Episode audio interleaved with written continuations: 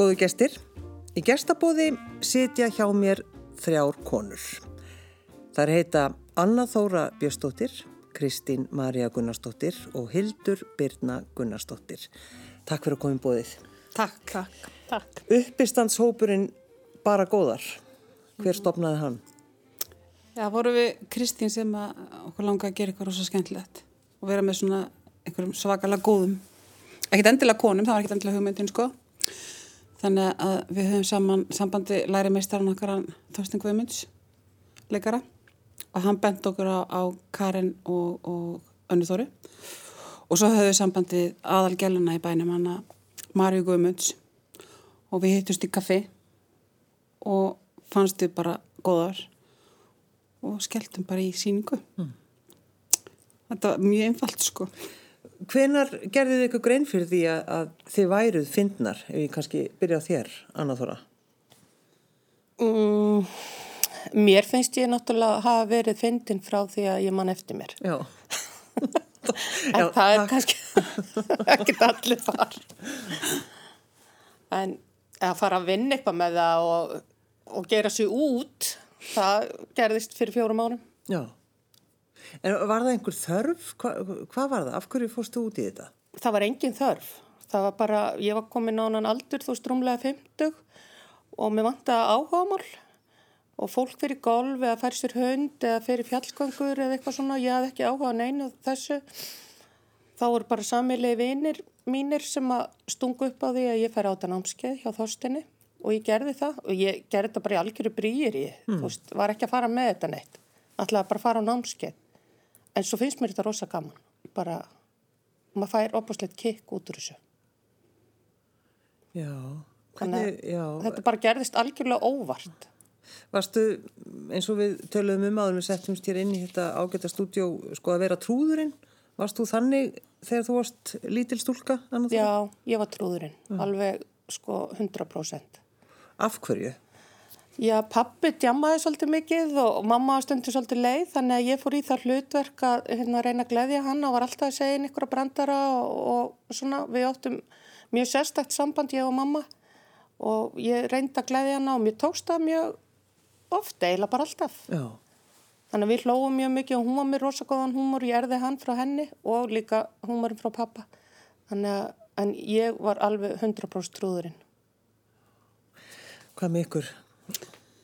Já, ég hérna, ég var mjög alvarleg sem krakki sko, mjög, örgulega bara þunglind sko, en hérna svo var, því ég fór eldast þá var mamma mér mjög þunglind og hérna, og markmiði var alltaf hverjum degi að fá hana til að hlæja og leta andrúsloftið mm. og, og þá byrjaði þetta sko að maður fatta að maður gæti fengi fólk til að hlæja. Og ég hefði örgulega verið svona tí ára, tí að þetta byrjaði svona að þegar maður hugsaði tilbaka. Já. og hérna þannig að já það byrjaði þá að maður svona fór að nota þetta.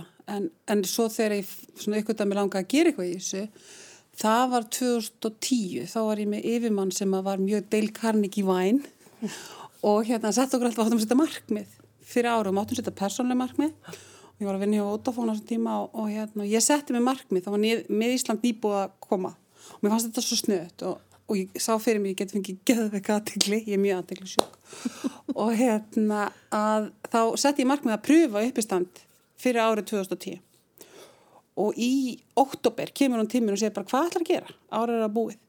Og ég vissi náttúrulega eitthvað að gera. Þannig að hún bauð mér að koma og vera uppistandari hjá hérna, félag krafminsjúkra badna, fóröldrafélaginu og ég var þá bara að gera eitthvað og gerði, gerði, gerði mitt uppsæðan sko. Mm. og það var bara mjög skemmtilegt. Mjög aðstíð brjálaðslega hindi og svo bara fór þetta að spinnast eftir það. Fólk fór, fór að hafa samband og, og ég er búin að vera í síðan 2010 Já, heldur Byrna, mannstu eftir mömmuðinni þegar hún fór senst að brosa þegar þú Já, og mér varst að sprella? Já, mér varst að æðislegt og, og ég man að mesta kikki var þegar hún pissaði og vart á sig að hlátri. Það fannst mér æðislegt. Og ég man alltaf hún stödd á Mæjorka og ég var komin alveg yfirstúning sko. en svo yfirleitt endaði öndu kvöldin þannig að hún rak í herbyggið þá var þetta komið yfir þú veist, þá var þetta bara komið til rögl sko. þannig að þá var ég bara reygin í börstu en já, mér fannst þetta æðislegt tilfinning að fá hann til að læga sko. og mér finnst það æðislegt í dag. Ég elskar þetta fólklega Þannig að það, það gleður.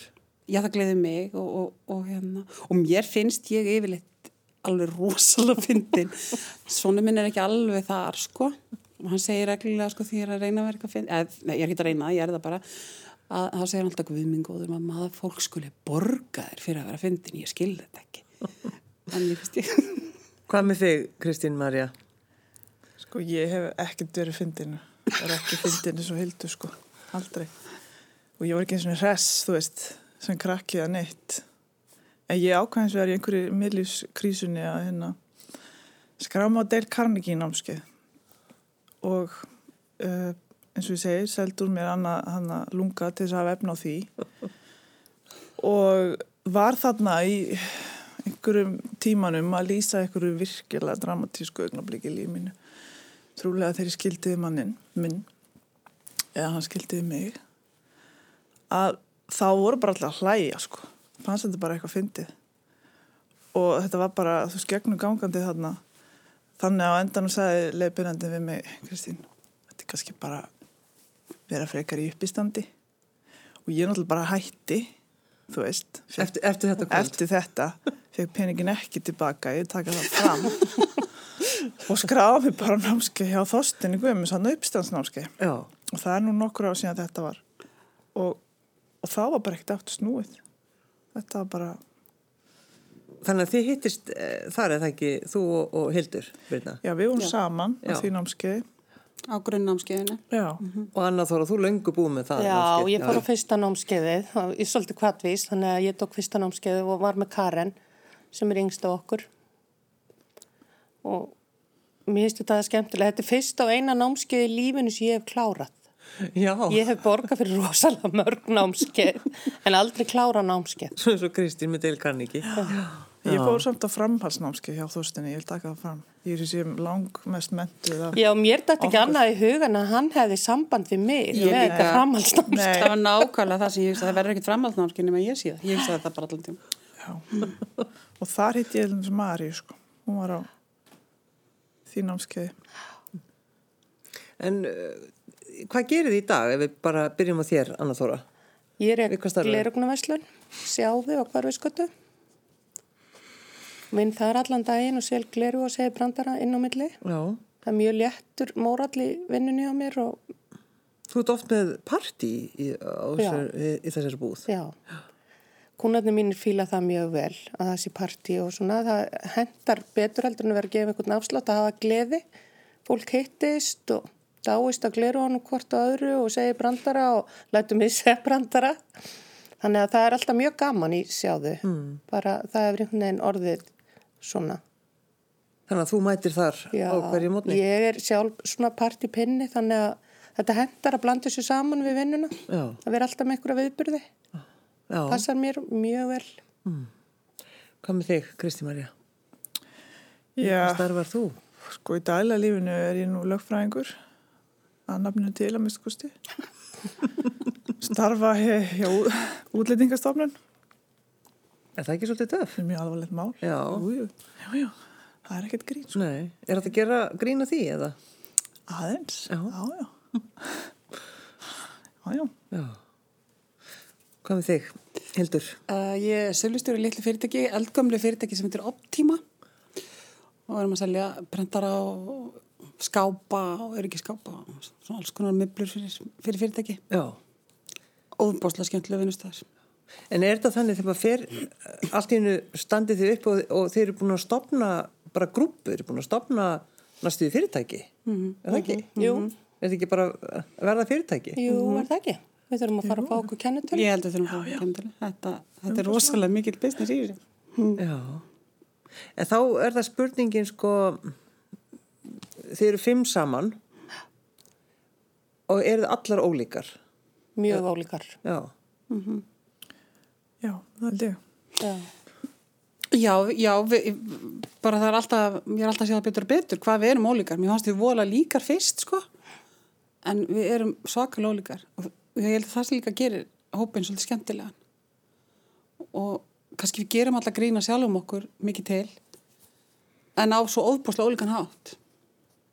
Það sem ég er svo frábært, það er einhvern veginn við kynnumst og það eru engin mörg. Það er allt sagt, og maður getur talað um allt í þessum hóp. Ég held að það sé að því að uppstandið er bakvið þar sem ert, mátt vera óhefluð. Ég er óhefluð í grunninn. Þannig að það er rosa þægilegt að hitta einhverju sem eru svo leis líka, sem eru ekki að spá og speklur okkur, hvað sáðu? Já, þú það meina óhefluð þannig að þú, þú segir bara allt Já, sem er þetta í hug. Já, það- finnst ykkur það ekki? Jú, og, og, Jú, jú. og kannski ef þetta er óvið eigandi, þú veist, þá, þá fær maður alveg að vita það, sko.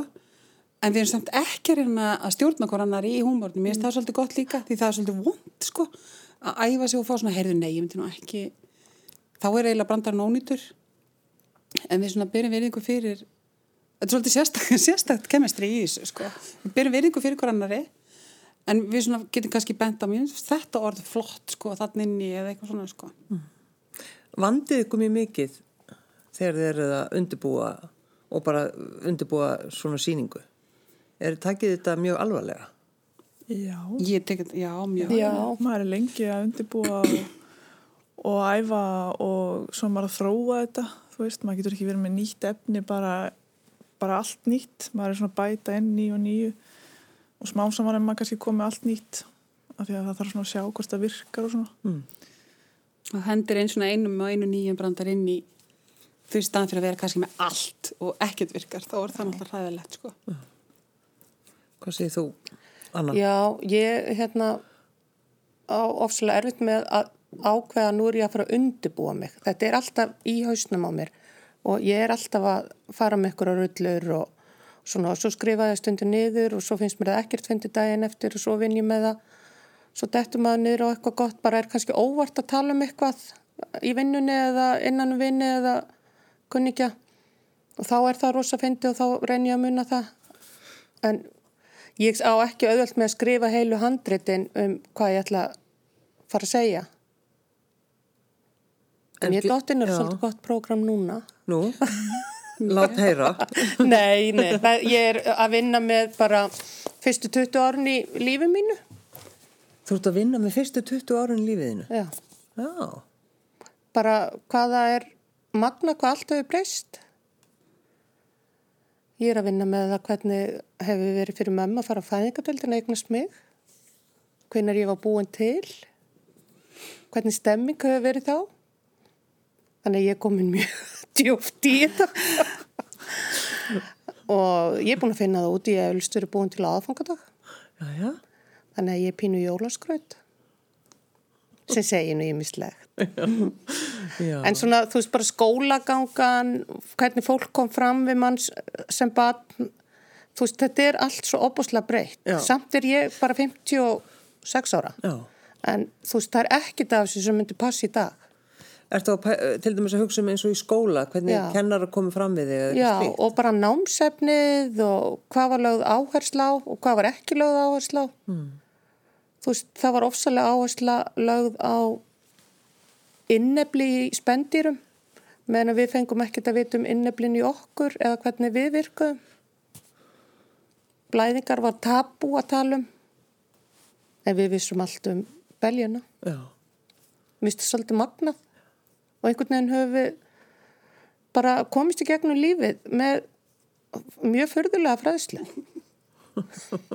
En, en að, að bakka svona og, og skoða svolítið sjálfa þig, er það ekki? Þú, þú, þú hlýtur að gera það líka þú ert að stúdara þessi fyrstu 20 ár í lífiðinu. Jú, ég held ég sem með sko svolítið gott minni. Ég man óbúslega mikið, þú getur alveg spurt mig í hvaða fötum varstu í nýjára ammálinu þínu og ég man það. En ég skoða ofsalega mikið myndir og, og ég hef mikið áhuga á fólki og svona hvernig hlutinni voru og finnst gaman að hugsa um það hvernig var inni hjá okkur, af hverju voru vissir hlutir þar og af hverju vor, var þessi mynd upp á vegg og hvernig kom hún og svona, þú veist, þannig að ég hugsa mjög mikið um fortíðin og sumi segi sem er fortíða þráhyggju. Já. Ertu það? Já, og mörgu leiturgla. Ég held að sé samt alls ekkert slæmt að vera svolítið í fortíðinni. Mér finnst allavega ofsalega vænt um, um daga þegar ég var lítil. Ég man ótrúlega mikið frá þessum tímum þegar maður var að fara í fiskibúðina með ömmu sinni og, og mjölkubúðina og kaupa skýr og því var pakkað inn í hérna, smjörpappir og svona. Mér, mér, já, mjög öðvöld með að kalla fram þessa minningar og mér finnst spennandi og gaman að gera svolítið djókur því. Já, þannig að þú, þú býr til húmor í, í kringum þetta allt saman. Já, Já. Og það hefur gengið vel. Já, eða stelpunar vita. Jú, svínvirkar. það Já. er Og sko. alltaf Það kemur það, og ég tengi svo við hana önnu. Já, það tengja og margir vita, muna allir, þú veist. En margir kannski ekki alltaf að tala um þetta. Margir geta að tala um Hagaborg. Ég man mjög vel eftir þegar ég var að sleikja svona hérna, rólustöður og, og fraus föst við. Klassíst. Ég, ég get alveg fundið þessa tilfinningu ennþá í tungunni. Og það virðast allir að lendi í þessu. Já. Maður er aldrei að tala um þetta. Nei. Og dregur upp mynd af þegar til dæmis þú ferð, fóst í fiskbúðuna og er það þá karakterinni sem þú hittir þar? Eða? Já, já, vinkonur, ömmu. Ég, þú veist, get alveg, ég get alveg dottið inn í svona góða stemmingu að hugsa um þær. Þær voru mjög fyndnar þegar maður er að hugsa um þetta. Amma fór með mig í strætó og við heimsóttum blinda vinkonennar og mér hafst alltaf ja, rosalega fyndi þegar hún fór svo inn í búr og vildi gefa okkur ís með hérna niðursóðanum ávöxtum. Og sagði ég yfirleitt jarðabér en ákvæmst á síðustu stund að breyta til að gáka þessi blinda myndi finna réttu dósina. Og var að reyna að ruggla hana þú veist og hún kom alltaf með þú veist ef ég sagði nei ég vil blanda ástu þá kom hún með blanda ástu, hún var með eitthvað kerfi. En ég var að reyna að ruggla í þessari vinkonunum ömmu í hvert eina skipt sem ég fór Já, já, hún er hristhausinn. Já. stelpuskottið. Já, mér fannst þetta mjög gaman en ömmu fannst þetta ekki alveg jafn skemmt Nei, þannig að þú ert svolítið svona í, í fortíðinni Já, akkurat eins og er Já, þá er ég þar já. Hvað með þig, Hildur? Hva- Um hvað uppistandið er? Já, hvað ert þú? Sko, þegar maður er einhleipur, þá er alltaf fyrsta spurningin, jæja, ert að hitta einhvern núna? Þa, það er aldrei spurt hvernig hefur það eða er strákunur hress eða er búið að brenna á hana þær húsið, eitthvað, það er aldrei spurt neitt svona, bara hvort að maður sé hitta einhvern. Og ég er búin að vera einn í 20 árnasti og gengið mjög illa á þessu markaði og lent í alls konar.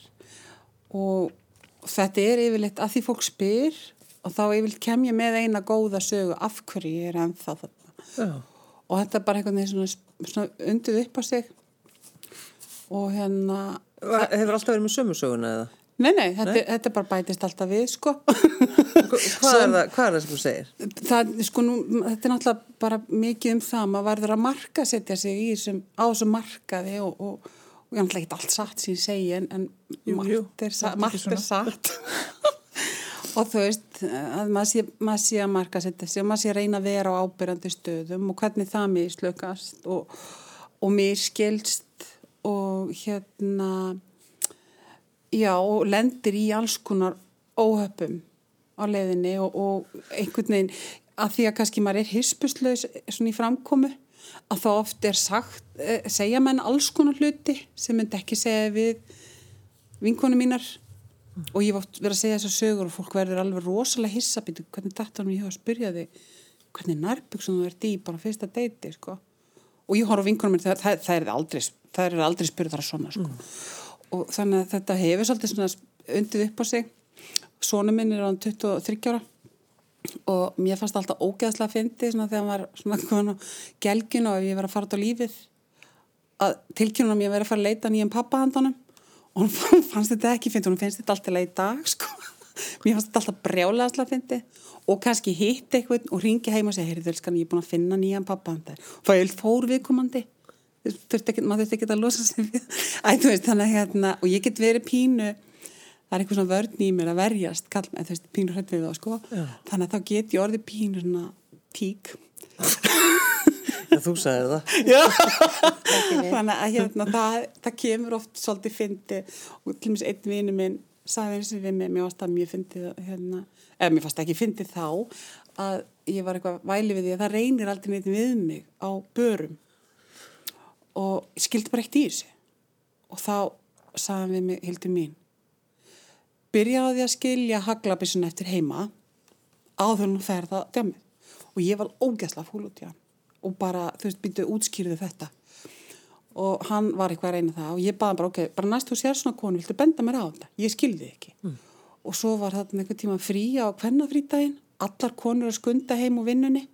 Í bílunum sína brjálaðar, skilur í umferðinu og allt í steik og þá ringir hann og segir, heyrðu, líti alla bílana núna þetta eru konunda með haglabissuna tilbúinir í slægin að berjast. Þannig að hérna, já, þetta hefur kannski verið svona lita líka hvernig þetta hefur allt undið upp á sig. Já.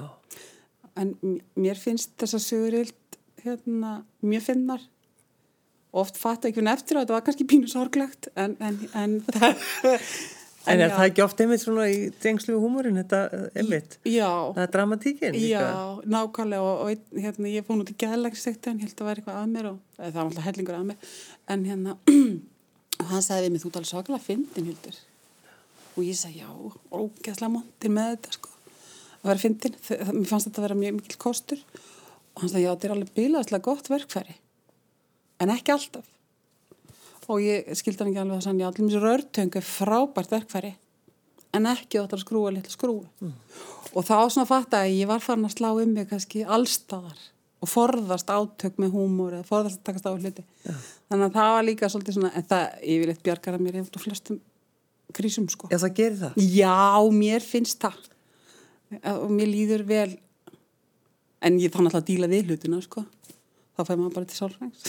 En það er margir sem að, að líta það ef maður er að, einmitt að nota húmórina, það sé bara einhver flótti. Það er flótti, oft Já. Svolítið að tala í kringum hlutin. eða sláði upp í ykkur að veitlis Það getur flótti sko Ég mér hefur fundist eiginlega nöðsilegt að hafa húmor til dæmis inn á spítala. Ég hef sjálf unnið svolítið mikið á spítala og við erum með veika fóreldra, var í 15 ári því og ég hefði aldrei nokkuð tíma komist í gegnum þetta nema því að við gátum djóka með hlutina. Algjörlega frá A til Ö.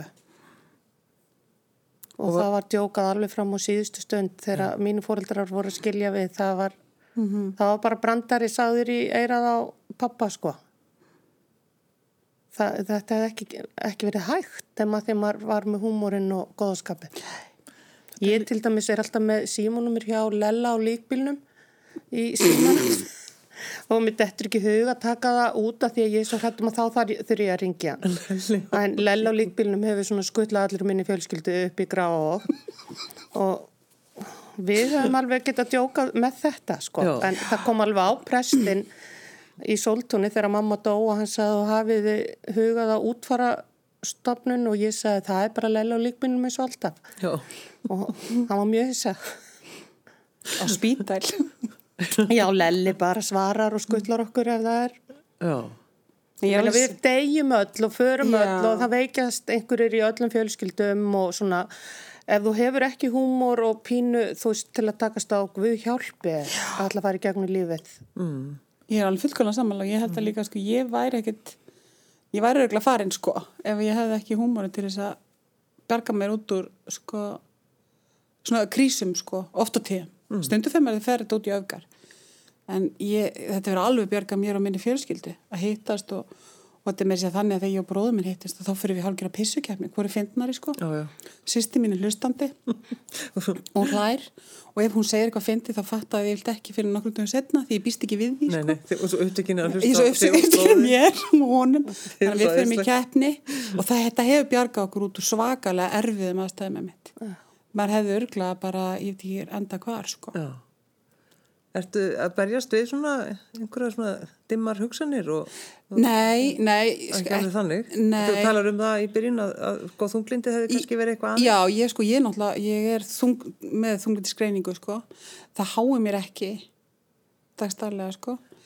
Og ég hugsa, ef ég hefði þetta ekki, og við hvað þetta var leðilegt. ég held að þetta væri rosalega leðilegt. En þetta, sko, já, mér finnst þetta að hjálpa mér alveg rosalega mikið, bara í lífinu. En ég finn alveg stundum að þetta aftra mig líka, sko.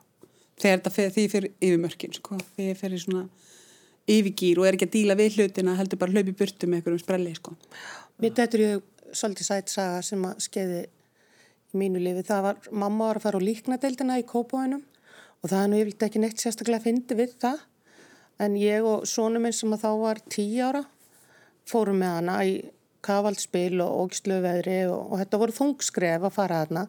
En strákurum minn hann hafði eitt þessum tíu árum með bróðu sinum í herbergi og dreymdum að fá sér herbergi og þurft að losna sem sagt við elsta bróðu sín út af heimilinu og þegar við erum að skoða líknadeildina og hjógrunafræðingurinn er að lappa með okkur um allt og sína okkur hvað þessi fínt og þessi nettenging í öllum herbergjum og þá saði þessi litlu við mig, er þetta ekki bara rosalega fínt fyrir bjössa bróðu? Já. Skjallanum og líknadeildina. Við grenjum og hlátt það var bara eitthvað svona pínu sem að gerir það að fyndið. Hvað með þig, Kristi Marja? Ertu Gerur þú grína sjálfið þér endalaust og hvað þínum kallamálum eða hvað? Já, svona hluta til. Ég er alltaf svolítið að taka þetta tíumbyrg sem að hófst eftir þennan blessaða skilna þannig. Við vorum reyndar ekki gift. En hérna, sem er náttúrulega mikil viðbriði þegar maður er búin að vera í sambandi í 20 ár og eignast að fimm börn og eitthvað svona. Fimm börn? Já, já. Segir það nú ekki upp átt. Nefnum bara í útvarpinu. Þannig að það er smá viðbriði sko. Og ég ætlaði náttúrulega bara veist, að vera róleg bara eitthvað, þú veist, hann farinn og eitthvað svona. Bara farsæli tíma framöndan.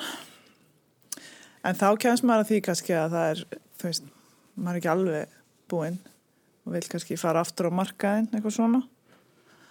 Og það er kannski ekki sami markaður og var, þú veist, 1993 þegar ég var síðast á laus til dæmis. Smá viðbriði. Ég komst til dæmis að því að mér sama smekk samt á karlmennum og ég hafði 93. Það er að segja ég var bara hrifin að mönnum, þú veist, 18-22 ára eitthvað. Alveg hryllingur að lendi fyrir virðilega konu. Lögfræðingur saldri. Lögfræðingur. Lögfræðingur, sko, þar á ekki. Já. Þannig að það var smá svona áfall. Svo náttúrulega kemst maður líka því þú veist að til dæmis skemmtistæðinni voru opnið til þrjú þá en núna er opnið til fimm þú veist þannig að mjög erfitt að fara að pikka einhvern upp klukkan fimm þú eru svo að vera mættur á einhverja fimmleika efingu þú veist með einhver krakka klukkan átta. Ha? Það er ekki að gera sig Þetta er ekkert svírum sem maður hefur. Þannig að þetta er, þetta er erfitt. Það er rosalega erfitt að vera díla við þetta á þessu baldri og þegar maður er komin í þessa stöðu sko með öll sem börn og maður er alltaf búin að klúra svo heftalega öllu ekkert neginn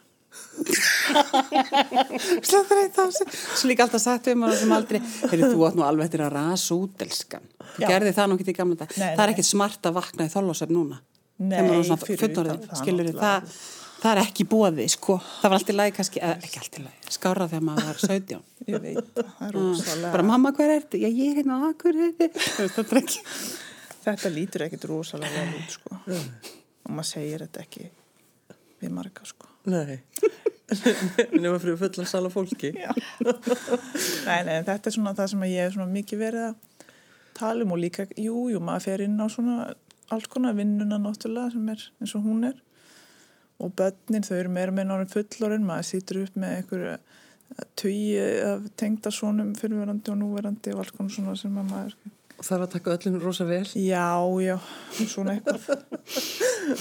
Þannig að það er alls konar það er nóg að taka til talum sem að, já fólk hefur gaman að virðst vera, ég veit ekki. Það er líka bara svo margt skemmtlegt sem gerist dagstæðilega ef maður hefur augun ofin fyrir því. Já, já. það er alltaf eitthvað fyndir sem gerir maður er alveg á kafi í bara einhverju glensi sér maður svona þegar maður fyrir að segja frá því. Þó að í sko mómentinu sé þetta ekkert ekkert grín sko ekkert grín að standi Nei, maður þarf að sjá fyndinu Já, fyrir að vera vakandi helgi eftir helgi framöndi morgun í einhverju svona já, leita Tilhuga lífi Nei, nei, þið viti hvað ég að segja. Ég veit ekki þetta. Já. Svo getur við verið í sambandi í 25 ári eins og ég og fatta það allt í einu. Við byrjum saman 5. desember og við fyrum aldrei saman út að borða á þessum degi. Nei, nei. Af því að maðurum minn er alltaf svo uppgefin við að, að borga virðusökkaskattin 5. des. Þannig að ég fyrir alltaf einn. Ég er nýbúin að fatta það. Þetta er 25 ár.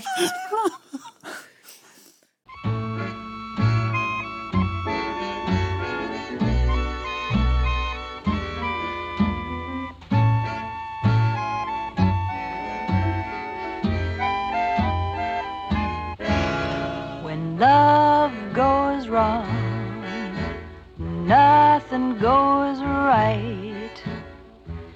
This one thing I know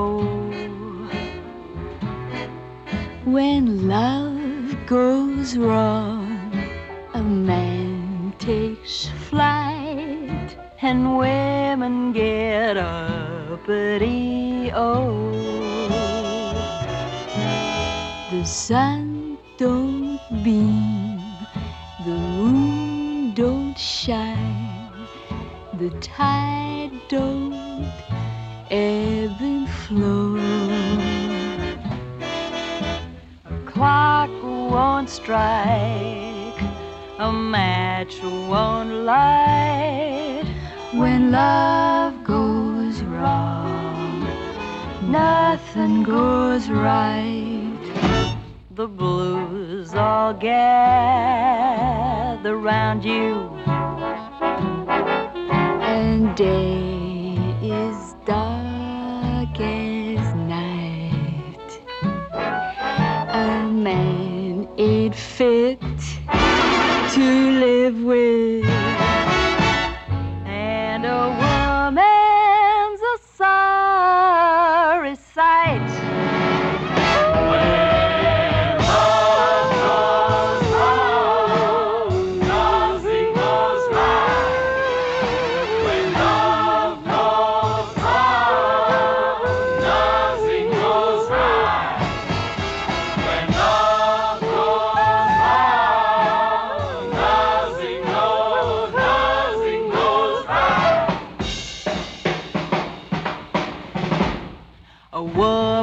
fright, a terrible sight. Man goes out, gets high as a kite. Love is something you just can't fight. You can't fight it, honey, you can't fight it. When love goes wrong, nothing. No vows, honey, just eight bars and off. Nothing goes right. Crazy! Crazy!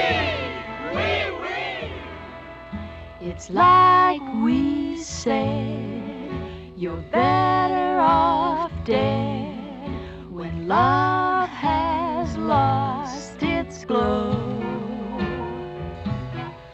So take this down in black and white when love goes wrong, nothing goes right.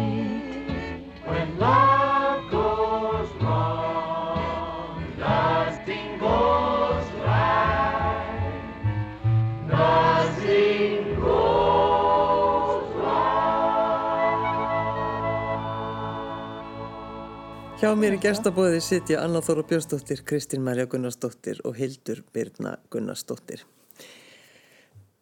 Haldið þið að, að þið missið einhvern tíman húmórin? Hafið áhyggjur að því? Ég hef einu sinni mistan. Jæja, Já, þetta vissi ég. Þessu svara strax Anna Þóra. Hva, hva, Ég- Hvað gerðist? fekk svo mikinn kvíða þegar ég var 50 og hérna var bara leggjast inn á sjúkrás og, og ég held að sko að fara í uppstand sé svolítið uppspretta eftir að hafa tapa gleðinni. Það er bara það skelvilasta sem að hægt er að fara í gegnum, að tapa gleðinni. Kom Ég- það þér óvart? Já, ég barðist mikið við að finna gleðin aftur og það tók mér sex mánuði að geta brósa út í annað og það var bara hræðilegu tími. Var, var þá, það var, hefur, hefur eitthvað gerst? Það var bara svona röð áfalla.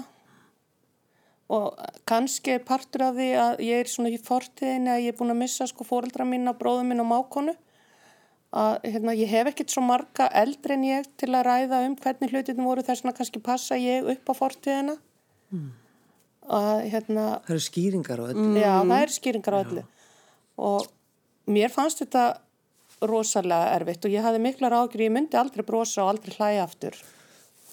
Og gerði allt sem ég gat til að komast á staði og í kringustar þar sem ég myndi hlæja. Ég fór á grínmyndir og ég satt grenjandi í salnum meðan allir hlóu og, og bara velti mér upp úr eimd og volæði.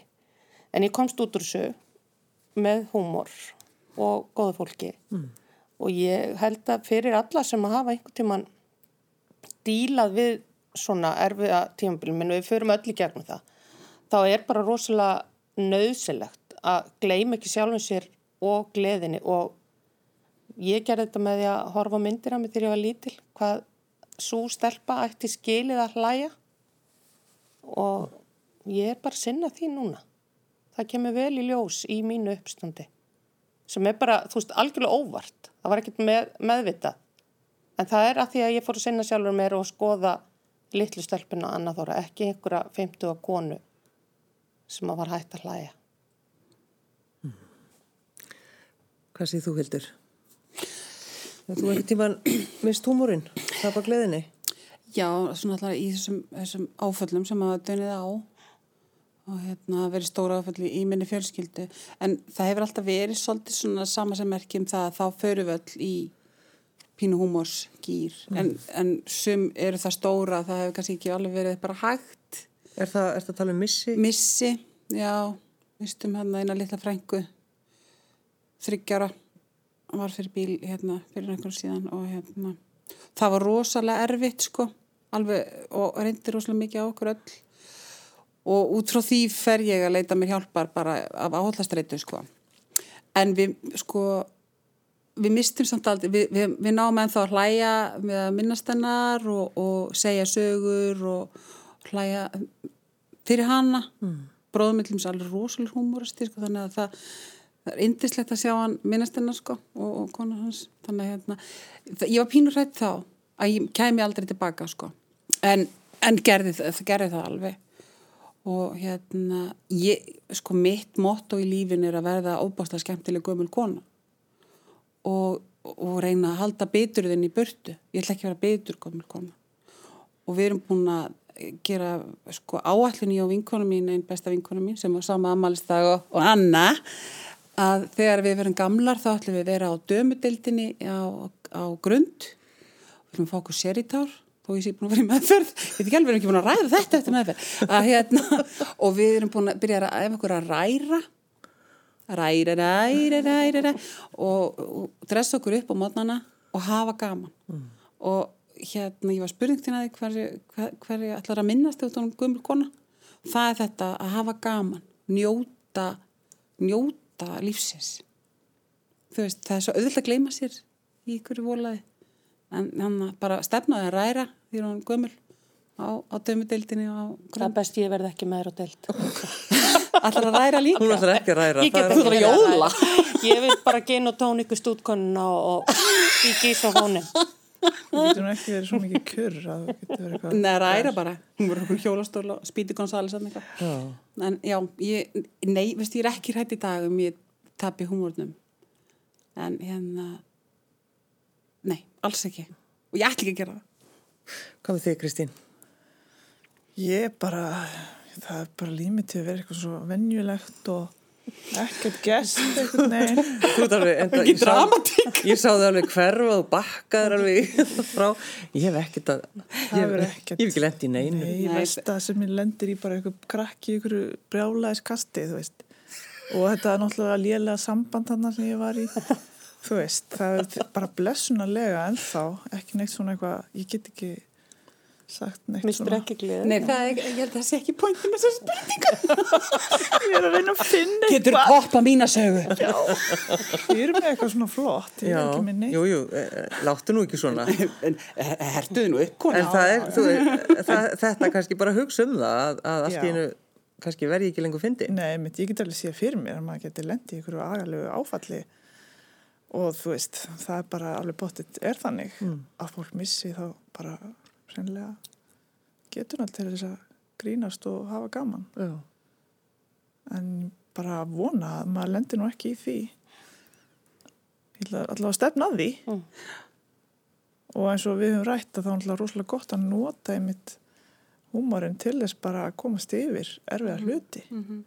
þú veist þannig að, já Það er margir sem að líta það sem einmitt eins og við höfum kannski talað um svolítið svona einhver, eitthvað kæruleysi og veist, ver, verði nú ekki með hennan fýblaskap uh mhm. -huh.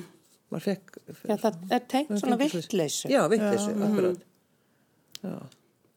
Mér finnst þannig að alls ekki vittleysa það er mjög mikið djóka með það heimi á mér hvað ég er búkstutt.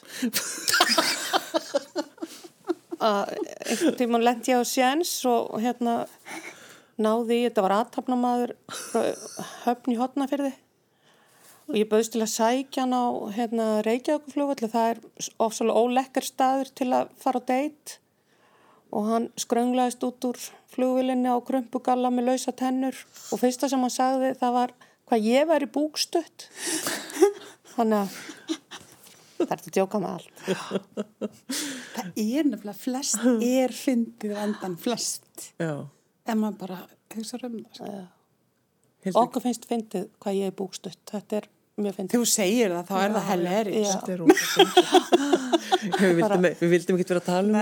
Nei, gott að þú segir það hefði verið komið sónar þegar mamma gekk með mig ég veit ekki hvað, ég hef enda í tunnin Við sjáum bara lappir og hendur.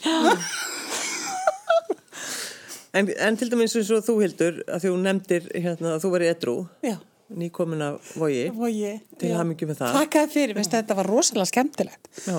Að fara nú, og ég hérna, hún saði nú eitthvað aðgæðu, þú ert svo klikku hildi mín, það mér fannst þetta æðislegt og kynntist alveg brjálaslega fínu fólki. Og margt brjálaslega fyndið líka, en ég læriði mikið og hérna sá það að hérna, ég hef svona kannski þegar ég hef ekki verið fyndin þá hef ég nota vín til að láta mig líða betur. Nú er ég bara fyndin. Já. Mhm.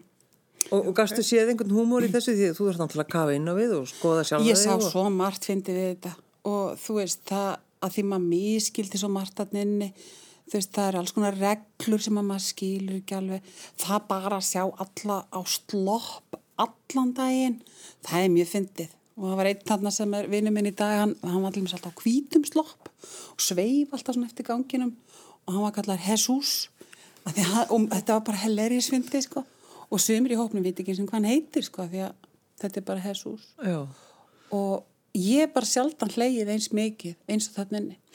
Og líka kannski við erum alltaf að díla við kannski eitthvað erfileika svo settist maður niður og púslaði. Það má ekki gera þarna sko, púsla og lita. Og það er bara brjálaðslega fyndi sitja þetta fullari fólk og púsla og lita. Og hérna, þar hlómaður bara non-stop. Og ba- líka svona bara til þess að koma sér í gegnum daginn. En þannig náttúrulega sko varnarleysið algjört. algjört sko. Og þú ert í grúpu kannski fyrir en daginn og grætur og, og svo ferðu út og, og getur djókað yfir einhverju öðru. Og það mér fyndi sko að því kannski við sátum að tekna á púsla þá byrjaði einn, einn að syngja svona hérna, hvað heitir stuðmannlæði hérna? Í, í gráðum skugga. Og þetta er náttúrulega bara alveg dóp sko fyrir allan peningi og það bara, það má náttúrulega ekki tala svona. Þannig, þannig að það var bara brjálaðslega fyndið og þetta lag sönglaði ég allan daginn að minni í höstum á mér sko, því mér fannst þetta svo fyndið en þetta, já, ég sá margt fyndið og mér hefur fyndist þessi tími núna eftir ég koma og ég vera alveg óbústað skemmtilegu tími. Og ég held að það sé líka bara pínu val. Þú veist, ég gæti alveg valið bara hvað þetta er glatað. Að þú veist að því nú var ég ekki búin að mála bæin rauðan og gera allt brjálað þetta var bara svona baku gardinuna heima á mér að hérna, þá finnst mér sko, mér finnst frábært að finnast þetta frábært, en þá ég veit ekki hvernig að vera á morgun því vakna, en hérna já, þetta, þetta þarf ekki vera leðilegt og þetta er bara val, pínvít, en nei, ekki alltaf sorry, það ekki En alltaf þannig allar að gera grín að þér þá í þessum Aðstæðum? Já. Já, ég fenn okkur dvoðalega djúft í það til mér í þessari síningu en hérna og sumt er bara þannig kannski að maður þarf aðeins að melda það. Pappi til dæmis lendi á aðgerð og fekk smá rugglu um daginn. Og mér finnst það ekkit ennþá neitt sérstaklega fyndið. Nei. og hann spurði, ertu ekki búin að skrifa eitthvað um þetta? Og ég baði bara um að býða aðeins. Að til að, þess að mér finnst þetta ekkit fyndið ennþá. En örglegt svona get ég leiða þessu? Eða ég get að leiða þessu en ekki kannski saman brandara en hérna, já er, ég er ekki alveg komin í að búa til ég bara svona segi frá því. Og þetta er bara partur af markasetningu að fara á vóg í, í stand-upinu sko. Þannig er markaður sko fyrir einhlipa Ég vissi ekki alveg hvert þetta átti eftir að fara. Nei, þetta, ég ætla kannski ekki alveg að eðilegja brandarann sko en, en já, þetta er, þetta er bara partur af markasetningu Já. Er það mjög mikilvægt eh, þegar maður stendur svona fyrir framar fólk að uh, sko þekkja sjálfan sig algjörlega út í gegn? Kristín? Já, ég held að hljóta að vera. Þetta er náttúrulega svo oft mjög personlegt sem maður er að segja Mm. og hérna maður þarf náttúrulega að vera tilbúin að að standa og falla með því og jú, þetta þarf maður að þekkja sig en maður þarf náttúrulega líka bara að þekkja svona hva, hvaða viðbröð maður fær þú veist við ákveðnum hlutum sem maður segir sem er náttúrulega held ég aðal kunsti við svona uppistand það er svona að vita svona, að læra hvað virkar og svoleiðis. En, en það, þetta fær náttúrulega líka bara eftir hérna hvað menn vilja vera persónleir sumir eru það ekkert í sínu uppstandi. Mm. það er ekkert allir eitthvað að kafa inn á við og, og tjá sig um eitthvað dótari margir eru bara að tala um eitthvað Sigmund Davíð eitthvað sko Já. En þú ert að tala um fyrirvændi manniðin. já, svona, svona. Veit hann af því? Ég, ég, það öruglega já, já Það er einhver maður alltaf sveimandi alltaf á hann. Já, ég er eins og að tala kannski ekki beinleins um hann. Nei. Ég er meira að tala um mig og kannski svona einhverjar aðstæðu sem ég var í.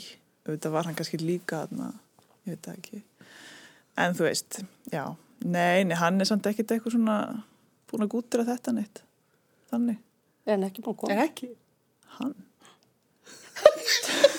Minn, minn fyrirvænt er að mæta næstu sýningum með núverandi konu. Það þetta. Ég bauð þeim. Ég var hjá þeim á jólunum aðfangata. Það kemur rúta á næsta sunda með öllum. Ég, ég, Ha, ég, sko, ég, ég býður í kaffe einhvern veginn. Já, þið, þið eru með, sko, þessi, þessi uppistandshópur, þið eru náttúrulega fimm og, og þið ættir, það, verður, það er nóg að gera það ekki hjá okkur núna. Jú, við erum búin að fylla þjólkskellaran tviðsvar og það er uppselt á næsta sunnudag Já. Í þriða skipti. sem í sagt, þriðja já. skipti og gengur vel að selja 17. februar. Svo ætlum við að fara til Akureyrar og vera á græna hattinum 14. mars. Já, svo er náttúrulega búin að fá mikið af beðnum um að koma á ásatíðar eða, eða eitthvað og svona ein og ein er að fá Já, svolítið. og þá bara svona pínu drögu við bara, hver er laus og, Já, já, já. og við þurfum að vera svolítið, við ætlum ekki að fara í eitthvað bitch fight, sko. Nei. ekki mikið. Ekki mikið, lítið, sko. En ég var einmitt akkurat að hugsa um þetta en daginn, að hvernig, þú veist, hvernig vinnustæði geta verið við og eitthvað svona, hvernig verður það ef að einn skarar fram úr og hinn sittur, þú veist, Já, ég ætlaði einmitt að spyrja, þú veist, hver, hver er bestur? ég, Já, ég. Ég, er ekki best að segja bara Marja. Jú, jú. Marja og Karin eru rosalega fyndnar. Já, mér fannst svolítið erfitt eftir síðustu síningu, þá kom pappið mitt, sko. Og hann segir, að því að hann er minn aðalstuðnismæður og við mætt á flesta síningar bara í gegnum tíðan. Mér fannst nú þessi Karen langfinnust og ég bara svona, á, papp, á, ég fikk alveg sýlt í hjarta. Og ég, já, er það, sem betur fyrir þetta í gegnum síma. Annars hefði ég bara, hvað sagður þau? En hann er ennþá rugglaður eftir aðgerðina. Já, já, það er það. Hann er er enga dómgurinn til að dæm, meta þetta. En þegar þið, sko, að þið eru svona ólíkar, þessar þið þrjár sem sittir hjá mér í gestabóði, um, maður svona upplifir eh, þig, Kristín, einhvern veginn þannig að það eiginlega rennur ekki í þið blóði. Hvað fljóta að fatta Ég það. veit það.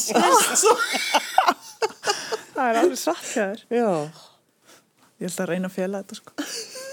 Erum slað öður. Vera svo hress. já, þú ert, þú ert ekki eins hress. Hildur, þú ert rosa hress. Anna Þóra, þú, Medium. þú ert... Þú er stór skrítin. Nei, þú ert medium. En það er svona, hvernig þið bara komið fram? Það er svolítið skemmtilegt að stúdur þetta. Já, og svo er Karen, sko, mér finnst það svo magna, að því Karen er kannski mest svona afturhalds, til dæmis eins og það er brandarinn einn uh, þjóðflokk sem að kemur hjá einn okkar og ég sá hann alveg, taka andköf þegar að- á síningun einni, þegar hún talar um að tínunum hana. já. Já, og þá fannst henni bara, er þetta ekki rasismi?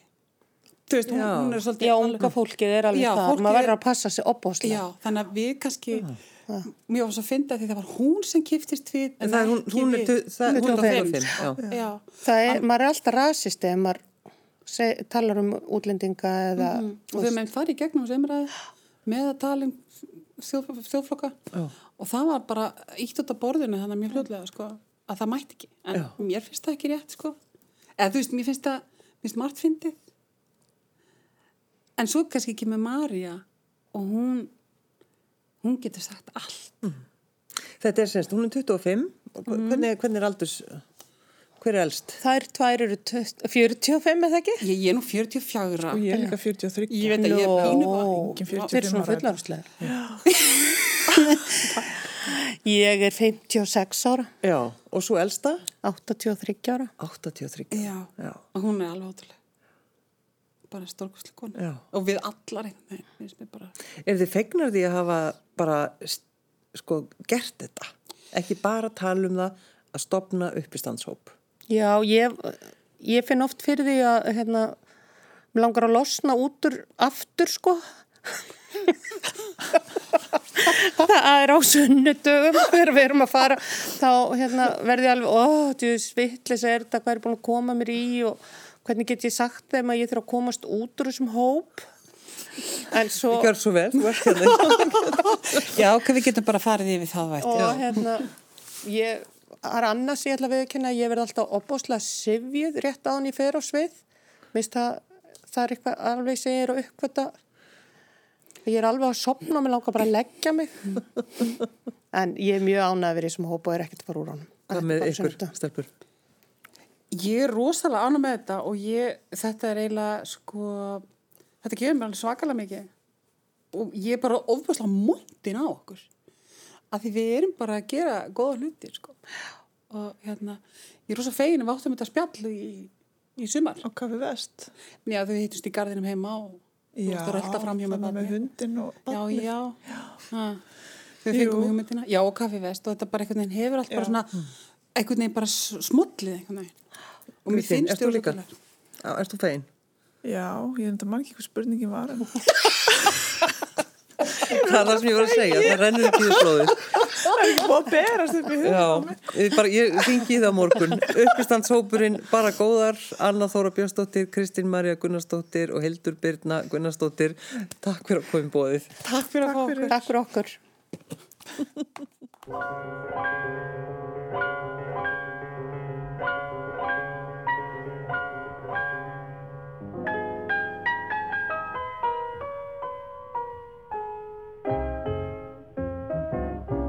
I'm susceptible to stars in the skies. I'm incurably romantic. If they're told to me all covered with sighs, the wildest of lies seem true. Each time a lovebird sings, I have no defenses. My heart is off on wings, alone with my senses. I'm a setup for the moon when it's bright. I'm incurably romantic. And I shouldn't be allowed out at night with anyone quite like you.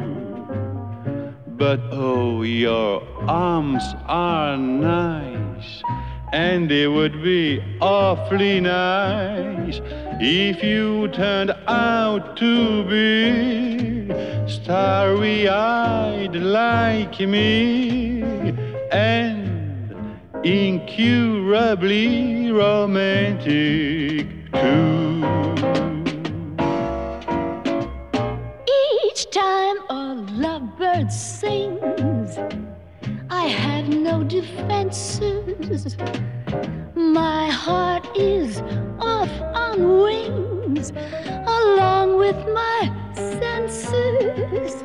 I'm a setup for the moon when it's bright. I'm incurably romantic. And I shouldn't be allowed out at night with anyone quite like you. But oh, your arms are nice, and it would be awfully nice.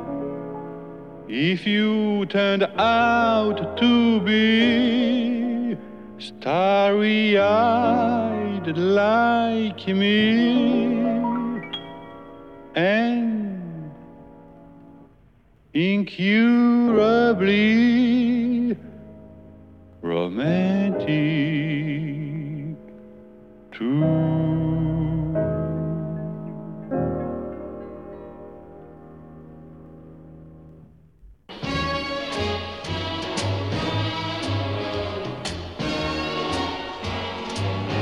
I'm susceptible to stars in the skies. I'm so romantic when they're covered with sighs. The wildest of lies seem true. Each time a lovebird sings, I have no defenses. My heart is off on wings along with my senses. I'm a setup for the moon when it's bright. I'm incurably romantic. And I shouldn't be allowed out at night with anyone quite like you. But oh, your arms are nice, and it would be awfully nice if you turned out to be